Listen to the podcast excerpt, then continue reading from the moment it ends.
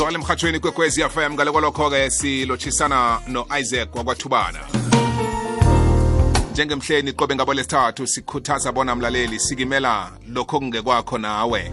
Zithomele lakho ibubulo begodwa-ke uyizwisise ikambiso yebhizinisi. Sikhamba nawe kabuthaka kabuthaka ngiyaqabanga bona soloko sathomako sinothubana. Sekuningi okuhlolileko sekuningi okubutheleleko sekuningi okuthomileko. Namhlanje sithi asivakatshele indaba ye-letter of intent. Iyini isebenza bunjani itholakala bunjani begodi iqakatheke ngani ngaphakathi kwebhizinisi lakho? Lotsha thubana malobola ngomnyama. Mthombothi ngiyavuma kunjani ngapho? Kamnandi kunjani ngakuwe? Aha mane siyathokoza. Sithi siphethe makhasi lilothe inaha yoke thubana. Nangerhawutena livale ngamafu sekunomoyana uyabona ukuthi a eh busuku khona ama-temperature lazabe ehle ngendlela erarako. Heyi hayi no asikhathi sakhona sokuthini? Kwamambala mna kwethu sikhuluma nge-letter of intent. Sikhuluma ngani la?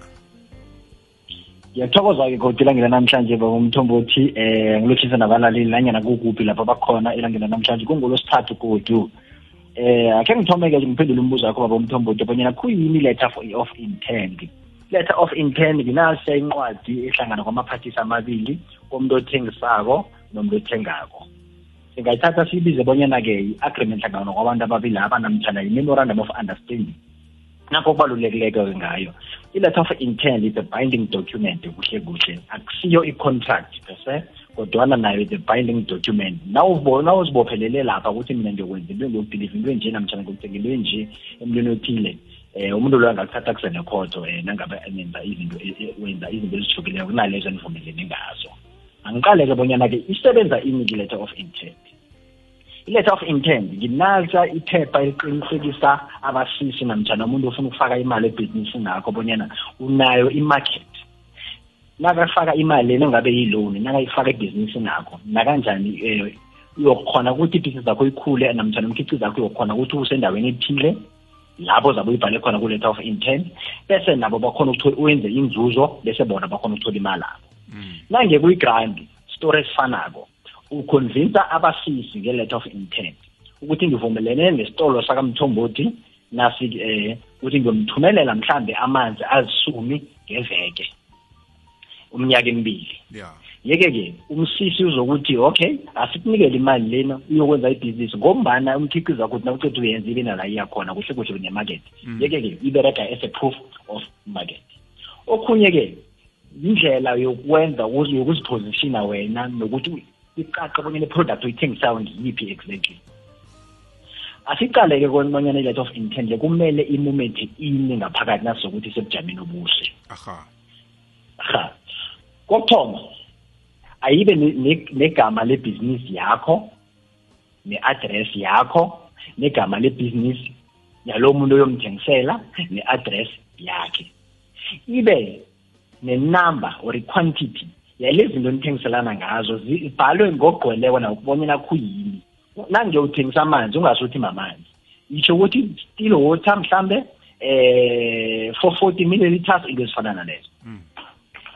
Kodwa-ke eh okubalulekileko yi-period bonyana ithoma uthoma nini ukumsaplayela bekupheli nini? Njengoba sengenza sibonele bonyana into engabathatha mhlambe-ke i-two years or two months into ezifana lezo umsisi ufuna ukubona into ezifana naleyo. Ya eh uyithola phi ki-letter of intent mthombothi namtshana uyenzelwa ngibani namtshana uyenza kuphi? Aha. I-letter of intent babomthombothi ungangixolela wena.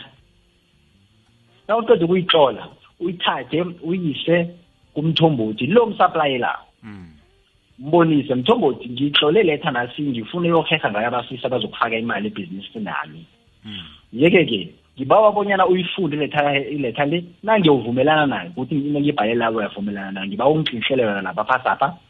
Um bese-ke ngikhambe ngiyisubmitha kubasisaba nasi into ezokwenzeka.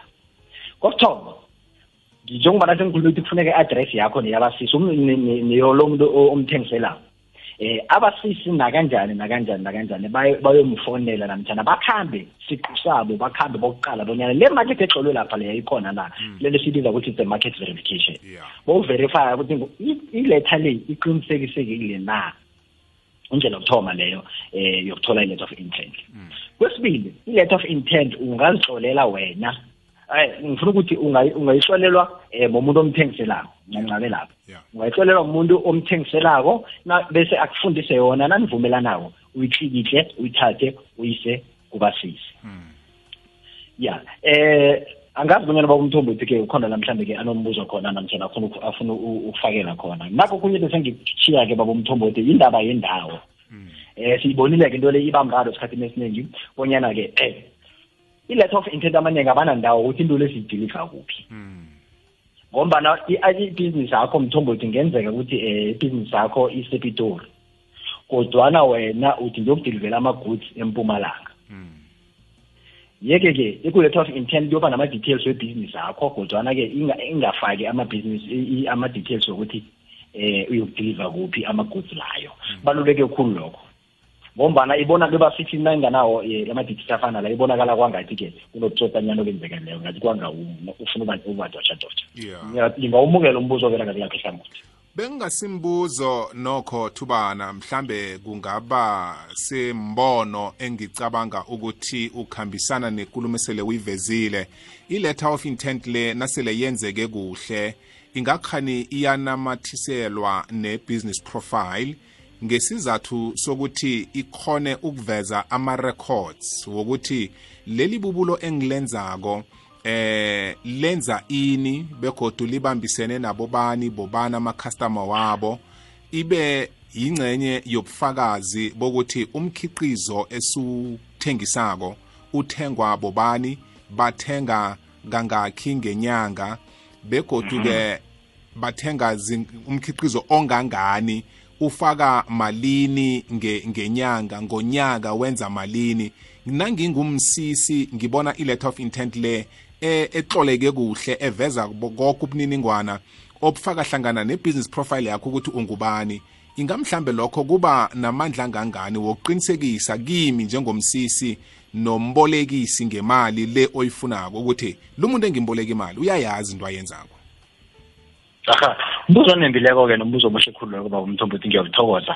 Msinyazana eh i-letter of intent akhange kwenzeke namtshana kwenzeki njengobana sokubuzile bonyana ikhambe yodwa. I-letter of intent kinasa into esibiza bonyana yi-supporting document.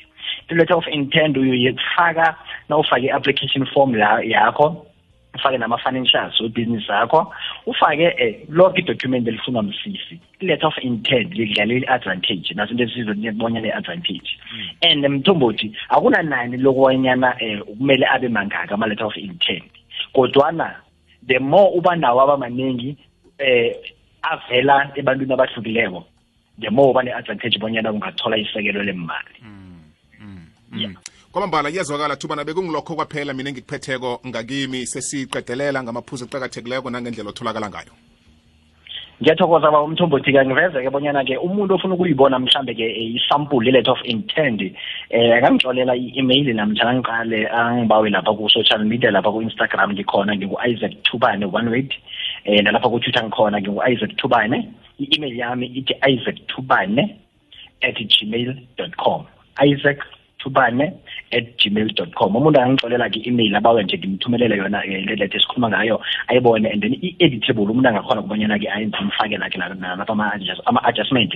Ngombana-ke ayisikiletha efomali um ungazibhalela njengobana sengifile um uyibeke ngendlela ezizwakala namtshana ngesingisi sakho esizwakala ngaso. Ngoba umthombothi ngiyakuthokoza-ke kude elangile namhlanje ube nelangile emnandi ukuya phambili um hlangane godi ngolosithatho zakho kuthokoze mina thubana uzimu asitshetshele wena mfana omdala begoduke nelwazi oluphetheko sithembe ukuthi-ke liwela ehlabathini enothileko. Sizowabona amakhakhazela ekuhambeni kwesikhathi. Baza kuvela abalaleli bathi sasizeka ngenkulumo abayiniziletha qobe ngelesithathu. Ungadinwa thubana ngiyathokoza.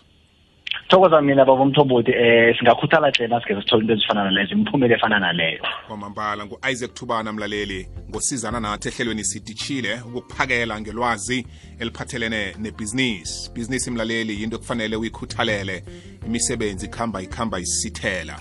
Nawunento phela uzivusela yona. Ngokwemfundo ngokweziqo oziphetheko ziyasebenza lezo ziqu lezo. Uthwasisiwe nawunjalo ungayenza lento oyenzela likhampani osebenza kiyo. Akhe ufikelwe mkhumbulo ngelinye lamalanga ukuzibona usikhulu sekhampani yakho. Ngaleli lwazi elincane siphele sithi naku umkhanyo naku umkhanyo siyigwegwezi fm kukhanya ba